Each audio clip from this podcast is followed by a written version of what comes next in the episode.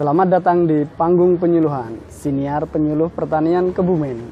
Sahabat tani, sore hari ini saya berada di BPP tempat saya kerja saat ini, di BPP Alian, Kecamatan Alian, Kabupaten Kebumen. Dan bersama saya beliau yang terhormat Bapak Koordinator saya. Selamat sore Pak Budi. Selamat sore Mas Nur. Ganteng kan sahabat tani, Pak Budi Hartoko namanya. Se- Sebelumnya, sebelum kami kenalkan lebih jauh, sebelum saya kulik lebih banyak pengalamannya Pak Budi Hartoko, Pak Budi Hartoko itu punya lagu untuk pertanian kita, untuk petani Indonesia. Silakan Pak Budi. Iya, terima kasih. Jadi kita mendasari bahwa ada beberapa petani yang ada di masyarakat ini yang kelihatannya jadi petani itu merasa rendah diri dan merasa asor, jadi nggak punya semangat. Jadi dengan terketuk itu saya berusaha menciptakan lagu untuk membangkitkan bahwa petani itu bisa hidup, bisa mandiri, dan bisa sukses. Inilah lagu yang saya ciptakan, judulnya Aku Bangga Jadi Petani. Aku bangga, aku bangga, bangga jadi petani. Petani maju, terus maju, harus maju, itu semboyanku. Aku bangga, aku bangga, bangga jadi petani. Petani maju, harus maju, terus maju, itu semboyanku.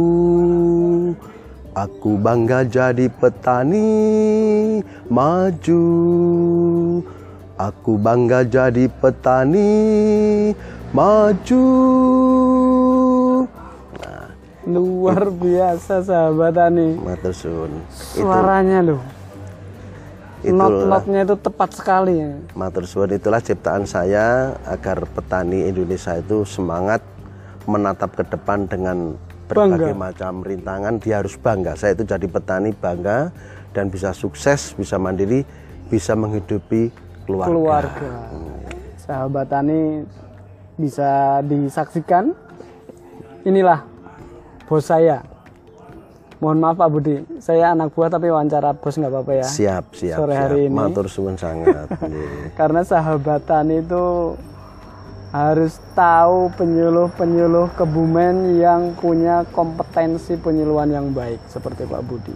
Pak Budi spesial ini, beliau punya kalau saya bilang ini Pak Budi ini antik sahabat tani. Nggak ada yang lain di dunia ini kayaknya. Selain Pak Budi gitu loh. Beliau gimana ya? Tel talentnya tuh multi talentan, multi talenta, multi talentan ya. Suaranya dan beliau itu nek apa musik itu luar biasa. Sampai menciptakan lagu sendiri, bahkan mengiringi lagu di KWT-KWT saat penyuluhan membuat ibu-ibu semangat. Inilah koordinator PPL Balai Penyuluhan Pertanian Kecamatan Alian. Nah, bisa disapa Pak Budi sahabat tani kalau kami memanggil pemirsa. Barangkali bisa kenal lebih jauh di Zoom Pak Budi ini ketampanannya. Ya. Selamat sore para sahabat tani, ibu-ibu KWT, para petani di seluruh Indonesia, bahwa kita semua saudara. Saudara yang menyelamatkan bumi, air, dan seisinya. Itulah petani. Tanpa petani, negara ini kurang bisa berjalan dengan seimbang. Petanilah yang merupakan salah satu yang menciptakan ketahanan negara lewat ketahanan pangan. Penyelamat bumi, penjaga tatanan negara, menjaga ketahanan pangan negara kita. Pak Budi ini sangat concern terhadap bagaimana membangkitkan petani itu menjadi lebih semangat Pak Budi ya. Iya. Di penyuluhan-penyuluhan, di BPP, di kelompok-kelompok tani. beliau itu selalu memotivasi bagaimana petani itu jangan minder, harus bangga sampai menciptakan lagu tersebut. Pak Budi ngobrol santai aja nih. Hmm, Pak Budi siap. jadi penyuluh mulai kapan? Terus ngapain jadi penyuluh? Nggak jadi artis aja. Pak Iya. Budi tuh cocoknya jadi artis sahabat Tani. Ya, ya makasih. Jadi kita sekolah mulai dari SD. Kebetulan? SD semua di Semarang, Semarang. SMP di Semarang, SMA di Semarang, sampai alhamdulillah bisa kuliah di Semarang di Akademi Farming.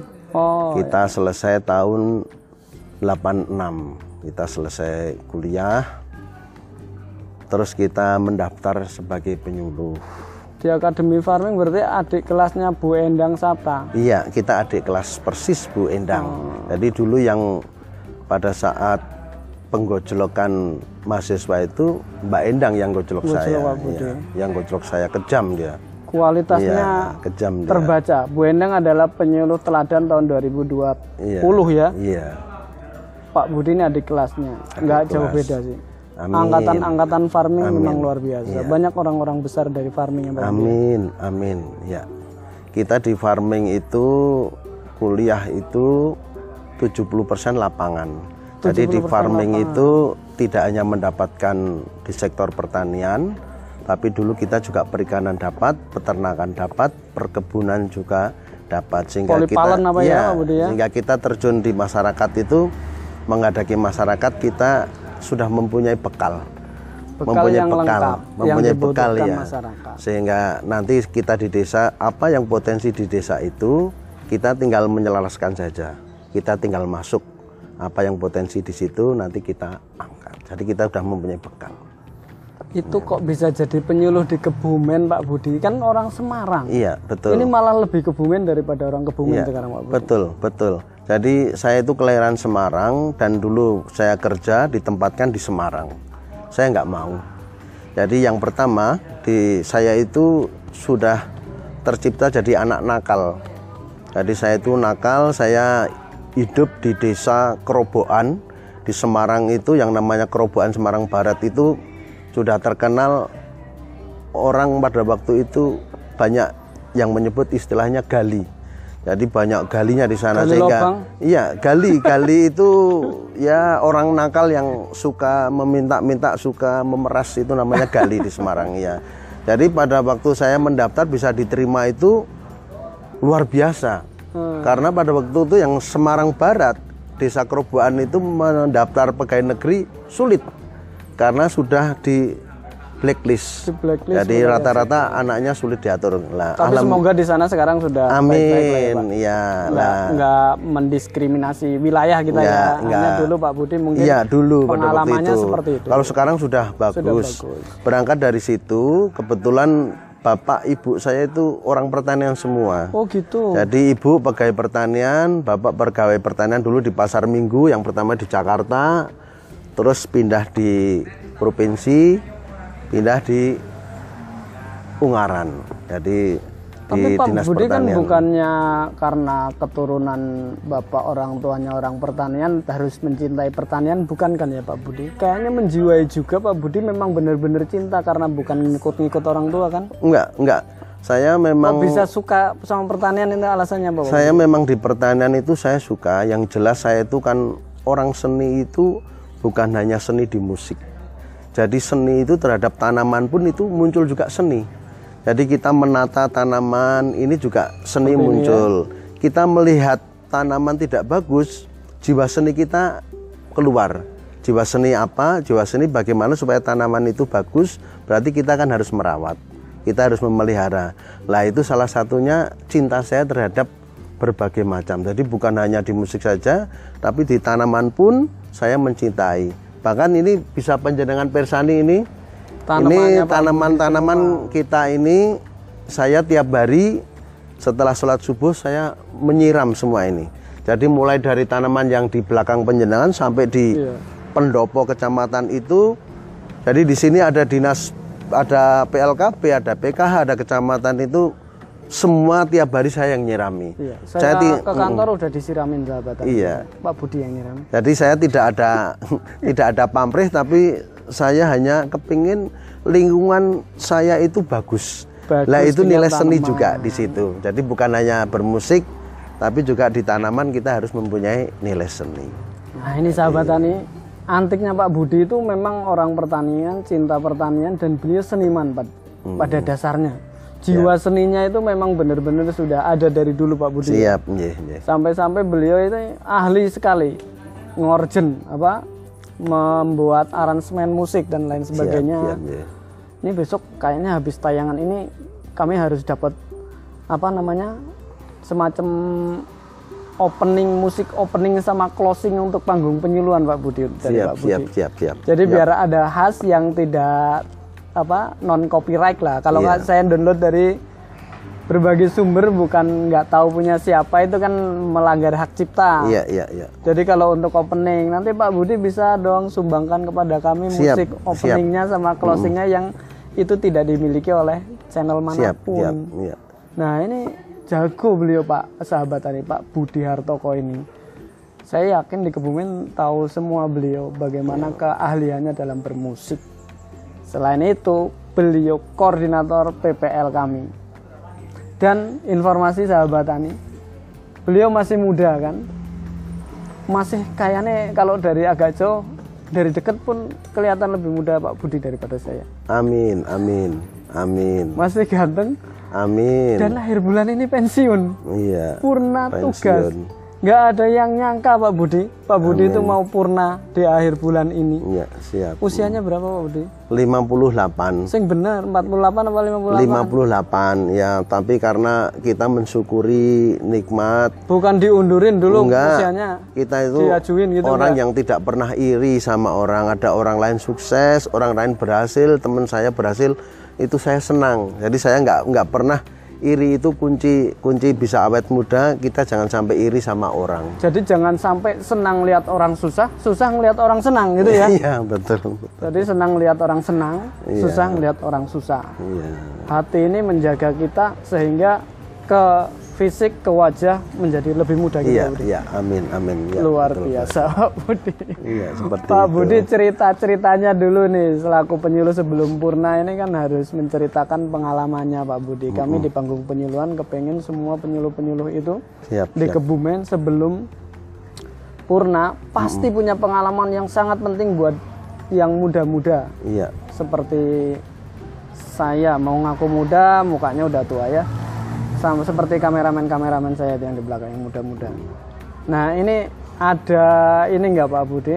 Eh, pengalaman yang harus kami jalankan untuk bekal menyuluh dari dulu Pak Budi masuk ke Kebumen. Pastinya kan dari semua kecamatan itu berapa kecamatan dulu bisa Ya. diceritakan dan apa suka dukanya dan hiruk pikuknya dunia penyuluhan kita itu bagaimana Pak? Siap, siap. Ya, jadi kita punya pengalaman yang luar biasa. Sebagai penyuluh, kita masuk tahun 89 di Alian. Oh, Terus pertama di di Alian. Alian, ya, di Alian kita kerja di Alian. Alhamdulillah waktu itu kita satu tahun sudah bisa mendapatkan berbagai macam penghargaan. Di, di antaranya untuk lomba kelompok capir desa Kalirancang itu juara pertama berturut-turut dua kali. Tingkat Kalirancang, tingkat kabupaten. Kabupaten. Ya, terus untuk tingkat provinsi kita KBD Kebun Bibit Desa Kali Rancang itu juara dua seprovinsi. Waktu itu. Iya, waktu itu dua kali berturut-turut kita Kali Rancang sehingga pada waktu itu sebelum Kali Rancang mengikuti kelompok capir itu juaranya selalu Kalipuru, Pujo Tirto. Itu di sana itu dulu juaranya selalu Pujo Tirto. Begitu Kali Rancang ikut Pujo Tirto lewat kalah sama kita Dulu sama masih Kali ada kelompok capir waktu Iya, ya. kelompok capir, Dan iya. itu aktif sekali waktu itu ya. Dan Iya, Pak kelompok Budi capir. bisa membawa kelompok taninya menjuarai tingkat kabupaten. Iya kabupaten dua dua kali bukan hanya saya saja tapi kita kolaborasi dengan Teamwork, penyuluh ya. senior dengan sesepuh di situ juga dengan anak-anak SPMA kita libatkan masuk di dalam kelompok tani itu kita beri masukan alhamdulillah juara waktu itu di kelompok capir. Terus untuk pengalaman yang di Sadang Dari Alian pindah Sadang. Ya, dari Alian kita pindah Sadang tahun 91. Lah di situ kita menemukan lapangan yang chandra di mukanya Kebumen di situ. Tidak ada seorang penyuluh pun yang mau ditempatkan di Sadang. Tapi kok Pak Budi mau? Ya, karena yang pertama saya kan orang kota katanya ya. Sombong sedikit nggak apa-apa ya. Tak Jadi saya senang tantangan. Saya Oh, itu gitu. orang hidup senang tantangan. Di Sadang itu sama sekali nggak ada listrik. belum ada Kita listrik, dari Pak. 91 listrik masuk tahun 2006. Ya.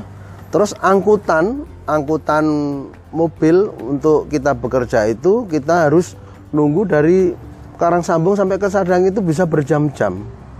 Ya. Kalau mau ke kota kita gitu kalau ya. mau ke kota kita nunggu Pak Dokter ke kota.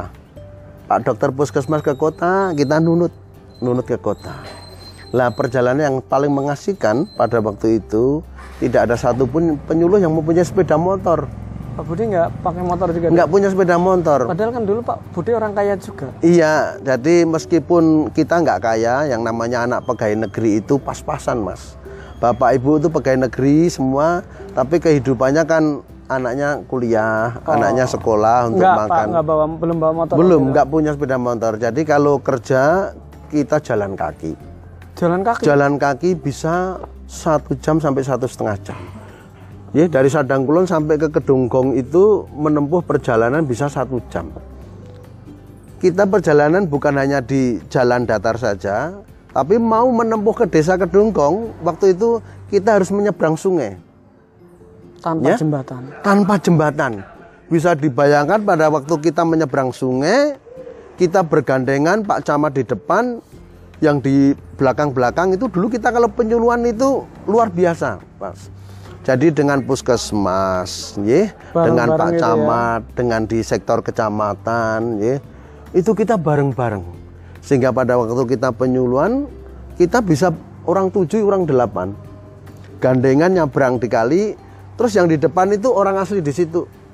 Oh, yang yang membawakan iya, jalan. Iya, mau yang, yang. Yang Jadi kita gandengan ini, kaki ini nggak bisa nggak bisa menapak karena itu sungai di Kedungkong di Karangsambung Luulo itu pasir bawahnya, sehingga Hmm. pada kita injak itu kaki kita nggak nggak nekan nggak sampai ke bawah, tapi kita ngambang itu. Jadi bisa dibayangkan kalau sampai ada yang lepas itu meninggal, itu pasti mati kita. Ya karena kalau itu kan kita cerita pas banjir ya, Hmm. kita banjir itu nyabrang itu gandengan tuh. Kita pokoknya Belum sudah sampai seberang berarti bahasa semua Pak Budi. iya kita taruhannya nyawa. Terus nanti penyuluhan bahasa-basahan. Eh enggak enggak apa-apa juga dan orang sana menerima. Jadi kita itu setiap kali kita penyuluhan itu kita taruhannya nyawa. Sudah di situ sudah kita menyabrang dari tempat bawah sampai ke desa yang dituju ke Dunggong itu jalannya juga jalan setapak kita nggak bisa melihat sinar matahari betul-betul hutan di situ alhamdulillah saya cuma bertekad saja saya kepengen minter ke petani yang ada di pucuk ganeng sana. Saya cuma hanya doanya selain doa agama kita saya doanya bertekad minter ke petani di sana. Alhamdulillah selama 13 tahun saya di Sadang diberi keselamatan. 13 tahun 13 di tahun. Sadang, kerja lewat nyebrang Iya. sungai seperti itu sampai tidak ada listrik. menyusuri hutan, tidak Iya. ada listrik, berangkat Ya. kerja satu dan jam gaji cuma 40 ribu waktu itu. 40 gaji 40 ribu kita makan itu tiap hari nyuwun sewu kalau boleh saya cerita itu bisa nangis jadi saya kalau makan itu tiap hari cuma nasi sama tempe dan bayam itu kita masukkan di air yang panas kita angkat lagi dengan sambal itu kita kalau cerita sampai di situ saya nangis betul jadi betul-betul seperti itu jadi kita betul-betul tapi kita penyuluh harus siap harus ditempatkan kuat. di mana saja. Alhamdulillah masyarakat itu terhadap kita bagus sekali. Dan perlu diingat lagi, seorang penyuluh pada waktu itu kalau belum dipanggil Pak Mantri itu belum bangga. Berarti kita belum diakui. sebagai penyuluh. Iya, belum diakui Berarti sebagai penyuluh. di sini Tapi Pak kalau Mantri itu ya? sudah dipanggil Pak Mantri, kita bangga sekali. Semakin yakin kita. Alhamdulillah kita sudah diakui kita sebagai Mantri Tani Bu itu. Nah, ini kita mempunyai energi lebih dari situ. Itu karena apa? Karena yang di atas. Betul-betul itu itu filosofi yang perjuangan beneran luar biasa. penyuluh 13 tahun senior. kita di sana, 13 ya. tahun di hutan itu saya katakan bukan lagi Ya. desa karena nyebrang sungai sampai basah-basahan penyuluh basah-basahan dan tantangannya nyawa nyawa betul nggak ada dan setelah dari Sadang pernah di mana aja Pak Budi selain Iya, setelah kita di Sadang, kita terus ke Pejagoan. Pejagoan pernah Di Pejagoan kita tidak ada sejarah yang kita bisa pamerkan atau kita bisa sebutkan karena biasa-biasa saja. kalau selain Tantangannya kecil. Terus dari Pejagoan kita ke Perembun. di Perembun pernah Ke Perembun juga, juga sama saja. Tantangannya maaf tidak ada. ekstrim di Sadang Ya, terus setelah itu kita tiga tahun mau pensiun, saya kepingin bangun alian. kembali lagi Nah ini kembali di alian. Nah ini ceritanya setelah di alian, jadi penyuluh itu untuk membangun dalam satu wilayah itu tidak hanya cukup satu minggu atau satu bulan atau satu tahun. Jadi kita minimal itu dua tahun tiga tahun, dua tahun minimal itu baru kita bisa mengetahui potensi-potensi titik-titik di desa-desa masing-masing yang akan perlu kita gali. Nah, Pak, ini repotnya begitu saya sudah tahu titik-titik itu, kita dihadapkan dengan masa saya sudah pensiun. masa purna Nah ini kita berharap terhadap panjenengan itu sarjana-sarjana yang masih muda, masih pinter, itu panjenengan harus bisa menggali potensi. Jadi penyuluh itu bukan hanya memberikan penyuluhan saja, memberikan pengetahuan, tidak juga. tapi harus bisa menggali potensi Menggali potensi wilayah desa, binaannya ya wilayah binaannya, dan yang penting lagi psikologis kita dengan petani harus kena, harus menyatu. harus nyambung ya Iya. hati kita dengan hati Iya. yang petani yang kita suluh harus Nah, klop Bagaimana psikologis itu bisa terwujud? Jadi kita sering berkunjung ke petani. Tidak semua petani dikunjungi, nggak ada waktu kita. Kita harus bisa menilai petani-petani mana yang bisa diajak maju dan yang bisa maju dan potensi. Itulah yang dikunjungi. Jadi kalau kita penyuluhan pakai sistem merata, semua diberi penyuluhan, waktu kita habis. Lebih baik dalam satu desa itu kita mencari sosok petani yang betul-betul mau diajak maju dan dia potensi, dia milenial, itu kita kejar terus. Karena dalam satu titik api yang bisa memberikan sinar itu akan lebih berhasil daripada kita Semuanya, semuanya, diberi merata tapi penyuluhan sedikit-sedikit. tapi tidak ada hasilnya. Itu itu saya filosofi, Jadi- filosofi saya. strategi Pak Budi dalam penyuluhan Hmm. harus fokus ketika ada melihat potensi di desa tersebut Iya. sampai petani-petani potensial itu yang Iya, kita garap. betul, betul. Kalau memang petani agak susah diajak maju, Tinggal saja. kita garap yang mau mau dulu diajak Iya, maju karena nanti bisa menjadi percontohan untuk petani yang Betul, lain. betul. Dan pada akhirnya tetap mereka akan ikut ya biasanya ya. Betul. Karena orang bisa jadi nolak dulu kalau ada sampel yang maju pasti Iya. ikut maju. Tapi itu saja nggak cukup. Ya, Jadi apalagi Pak Budi. petani sudah kena, ya psikologisnya juga kena. Kita tinggal masuk ke perangkat, ke aparat, ke aparat desa. Aparat desa harus kita Iya, masukin juga. karena kalau petani sudah kita rangkul sudah mau, sementara perangkat desa Tidak mendukung. tidak mendukung, mati juga kita, buntu juga. Ya. Karena pembangunan desa secara legal formal lewat aparat Iya, desa. betul. Jadi kita bagaimana bisa meyakinkan Pak Kepala Desa, kita menyodorkan program kita. Kegiatan program kita itu petani-petani kegiatan kita, maju itu. kita itu berjuang dulu. Berjuang dulu memamerkan ke Pak Kepala Desa ini, saya menciptakan ini Pak Kepala Desa Mersani, sehingga kemarin Alhamdulillah untuk KWT di Alian, hampir semua KWT diplotkan bantuan dari uang DD dari masing-masing lurah itu hampir semua KBT di Alian mendapat bantuan. Sejak dulu tidak ada Nyun Sewu, Bapak Kepala Desa yang menggelontorkan bantuan ke Dana untuk KWT. KWT. Nah ini sahabatannya perlu diketahui. Pak Budi kendel. Bahasa Jawa itu kendel ya. Pemberani. Bukan. Saya saja kadang ngeri-ngeri sedap kalau ngelihat Pak Iya. Budi komunikasi dengan kepala-kepala desa itu berani ada dana desa yang berapa persen itu 20 persen Iya. wajib untuk kegiatan pertanian Iya. itu berani sampai istilahnya memotivasi sebenarnya kepala-kepala desa itu untuk mengalokasikan itu Iya. Jadi kelembagaan-kelembagaan itu nggak harus dari dana-dana lewat OPD, lewat APBD dan APBN, bahkan lewat dana desa pun harus kita upayakan disambungkan kelembagaan pertanian kita dengan Iya. desa. Betul, betul. Pak Budi nggak takut kadang ha- sampai apa istilahnya sedikit menekan kepala desa ya Pak Budi? Betul, iya. Iya. Pak Budi ke kegaliannya masih ada berarti ya? Bukan gali ya. Jadi Nah, sampai-sampai sahabat tani Pak Budi itu berani istilahnya menekan Astagfirullah. kadang sampai-sampai sahabat tani Pak Budi itu cukup berani punya keberanian yang lebih sampai seolah-olah ya sedikit menekan tapi memotivasi sih lebih tepatnya kepala kepala kepala desa untuk alokasi sampai kita intervensi dana desa itu harus dialokasikan benar-benar untuk ketahanan pangan seperti amanat Pak Presiden gitu ya Siap. Hmm. Pak Budi ya itu Pak Budi kok berani-beraninya apa jiwa tadi apa yang di Semarang kegaliannya masih ada Pak Budi ya itu mental jiwa itu kita sebagai penyuluh itu harus kuat dan berani. Tidak cukup hanya berani. Kenapa saya berani? Karena sebelum saya minta ke Pak Lurah itu saya lebih dulu praktek. Kita pamerkan dulu. tunjukkan dulu Iya, kita dan iya, kita dan KBT kita bentuk swadaya KBT. ya.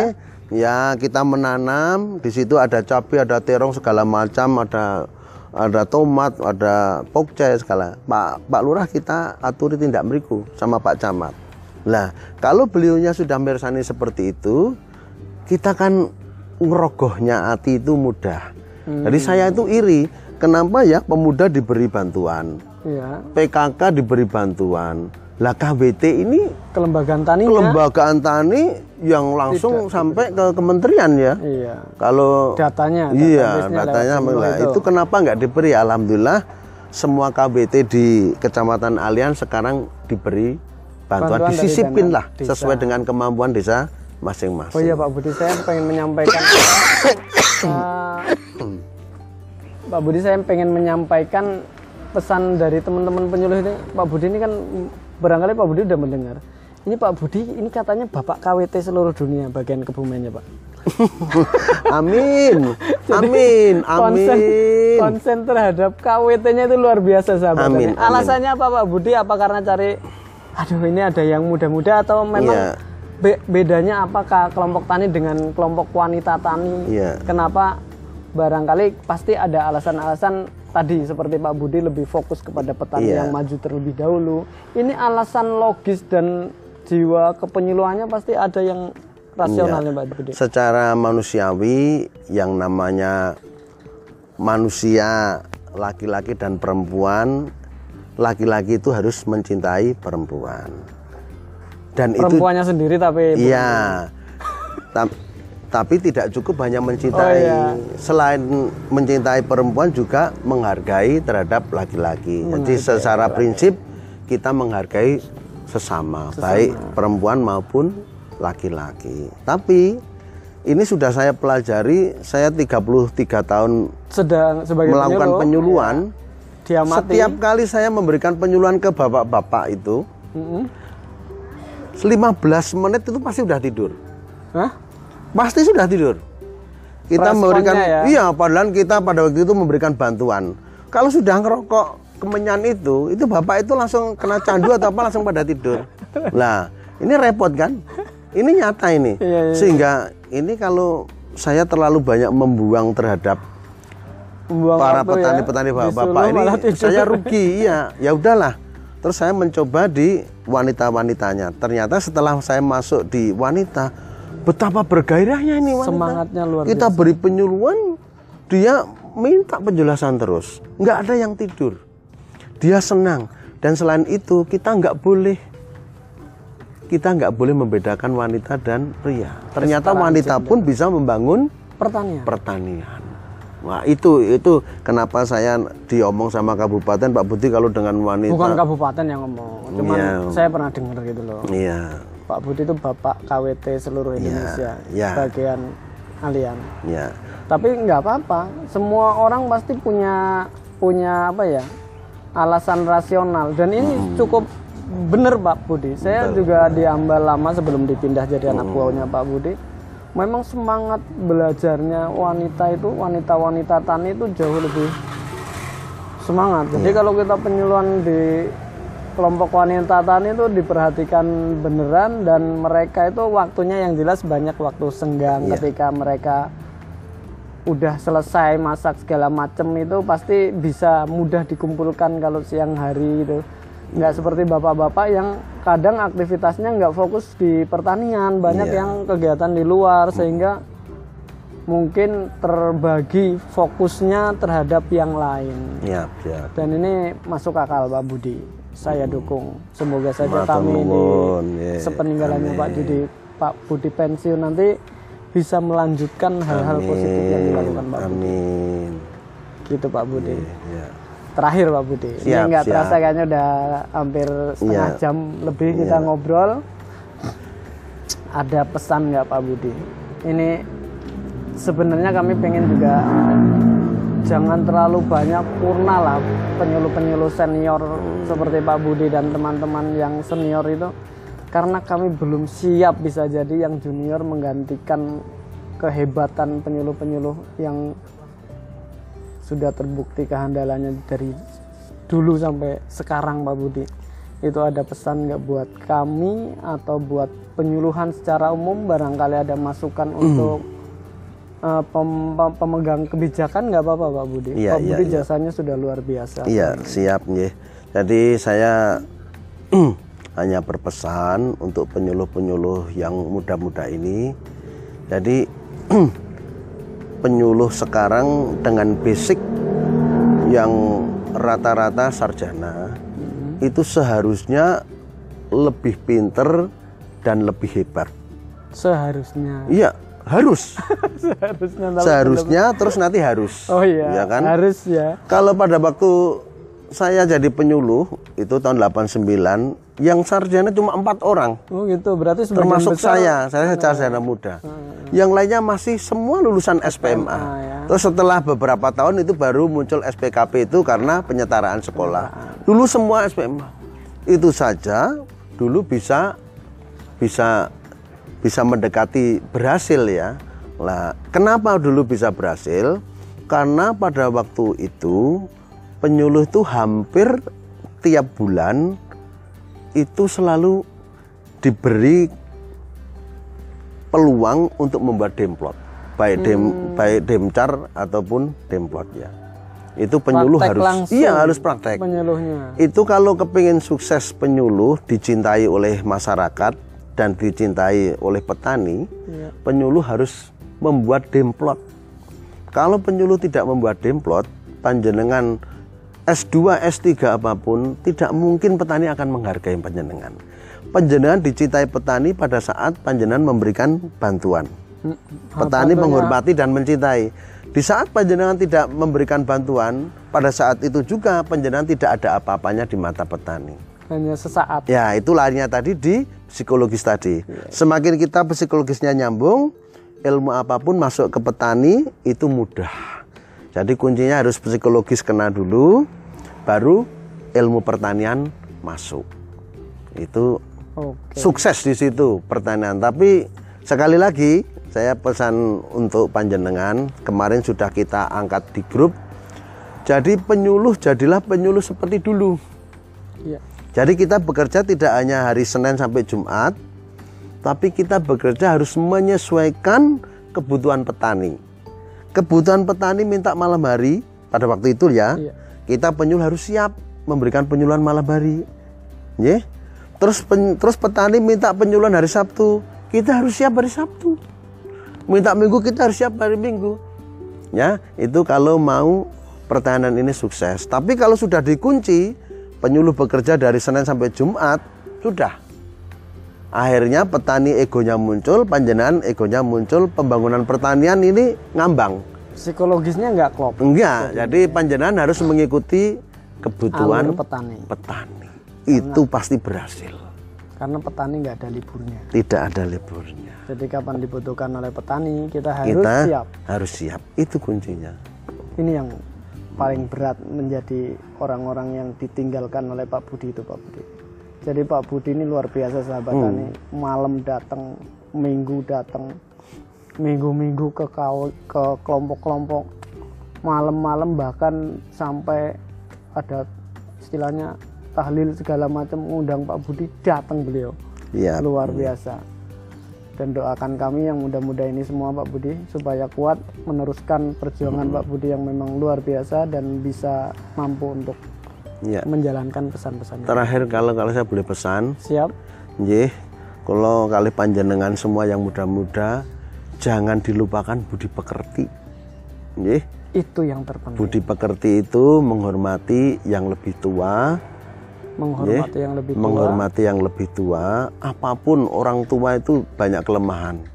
Tapi dalam segi usia kita orang Jawa harus menghormati orang yang tua. Ya, itu nanti kalau panjenengan sudah pinter, lapangannya hebat, cerdas, budi pekertinya bagus, panjenengan betul-betul selamat dunia akhirat. Amin. Tidak tidak di dunianya sahabat, tapi di akhiratnya Di jenengan juga, juga selamat. selamat. Budi pekerti itu penting. Sekarang budi pekerti sudah pada luntur. Nggih. Nyuwun tulung nanti jenengan yang muda-muda itu budi pekerti yang dulu sudah pernah diajarkan oleh nenek moyang kita, sekarang dijalankan lagi. Dijalankan lagi.